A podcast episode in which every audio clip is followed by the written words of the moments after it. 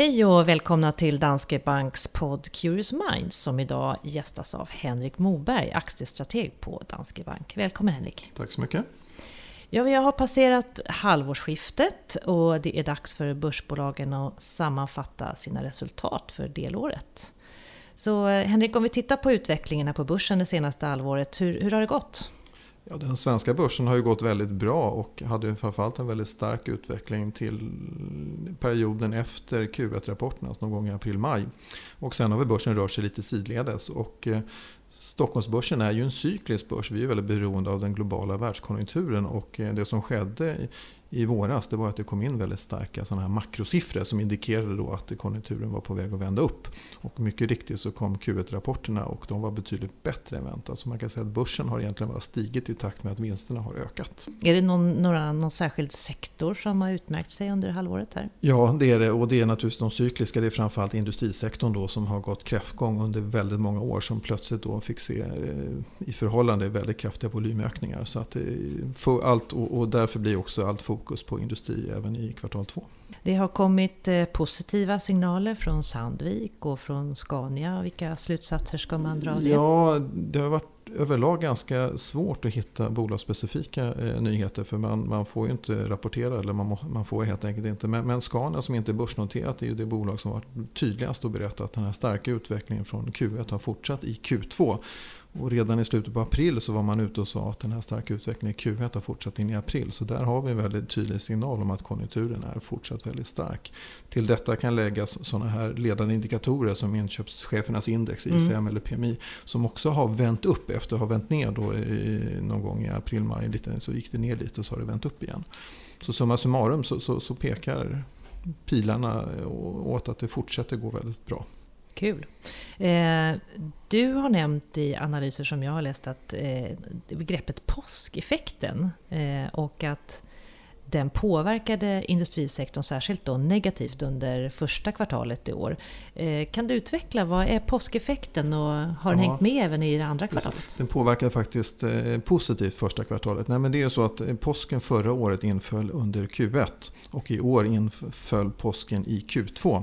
Och det innebär att i Q1 nu här så hade man då två arbetsdagar mer än, än förra året. Alltså man får fel jämförelsetal.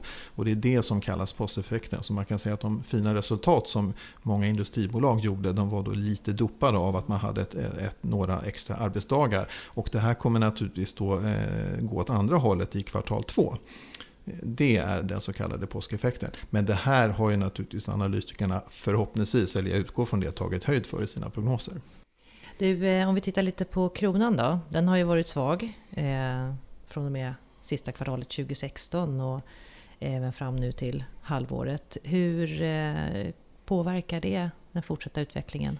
Ja, det är också viktigt att ha i åtanke när man tittar på, på, på, på utvecklingen på börsen. Vi, vi, har haft, kronan har varit väldigt svag i tre kvartal.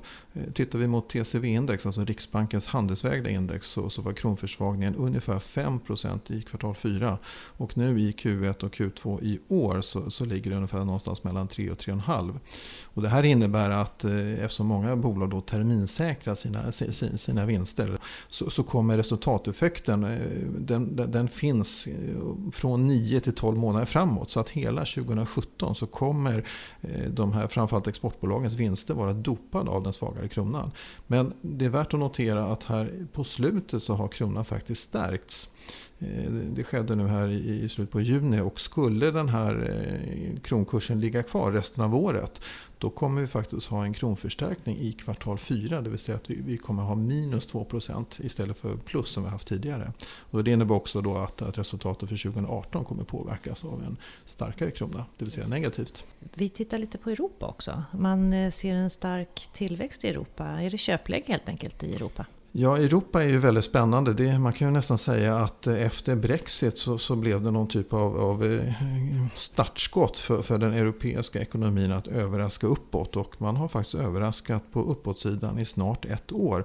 Och jag kan inte påminna mig att jag någonsin har varit med om att, att, att, så att säga, en region så länge överraskar, det vill säga man slår analytikernas prognoser. Och det här är väl i så fall en effekt då att av att Europa har gått så dåligt så länge så att man är så otroligt negativ till, till Europa. Och, och, Europa är väldigt spännande. Alltså, aktievärderingen är lägre än på många andra marknader. Man har en hög direktavkastning. Och vi vet också att bolagen har ju tagit ut mycket kostnader så att hävstången om efterfrågan kommer är ju väldigt hög.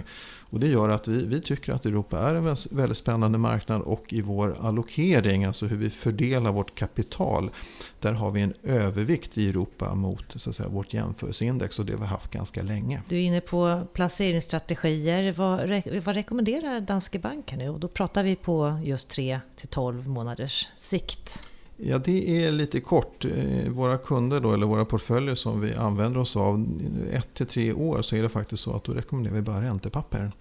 Eh, det är nämligen så tyvärr att i värsta fall så har man ju oturen att pricka toppen på, på kursutvecklingen. Och då innebär det att man måste ha lite tid eh, som, som, som hjälper en att, att som man kan härda ut. Men om vi tittar på de normala portföljerna, så de portföljer som innehåller både aktier och räntor. Där har vi en övervikt för aktier just nu på ungefär 5 procentenheter.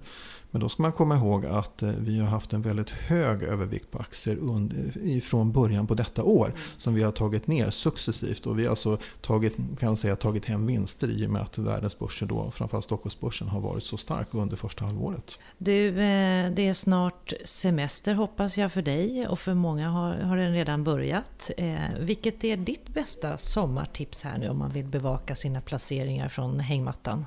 Det bästa sommartipset är att man alltid har rätt riskprofil. Och vad innebär då att ha rätt riskprofil? Jo, men det innebär att man har precis den rätta blandningen mellan aktier och räntebärande papper. Så att man sover gott om natten när man hör att börsen eventuellt faller. För är det så att man har rätt riskprofil så vet man att ja, men då köper jag bara mer aktier för på sikt så blir det här bra. Men det är det viktigaste. Och har man inte rätt riskprofil, det vill säga man är lite nervös, då ska man ta kontakt med sin rådgivare och diskutera diskutera om man inte ska gå ner i risk, det vill säga ha en mindre andel aktier. En skön huvudkudde med bra placeringar helt enkelt? Ja, det, det, rätt riskprofil är A och O i vår värld. Ja. Henrik, eh, tack för att du gästade oss idag på Curious Minds. Trevlig sommar! Detsamma, tack så mycket! Tack.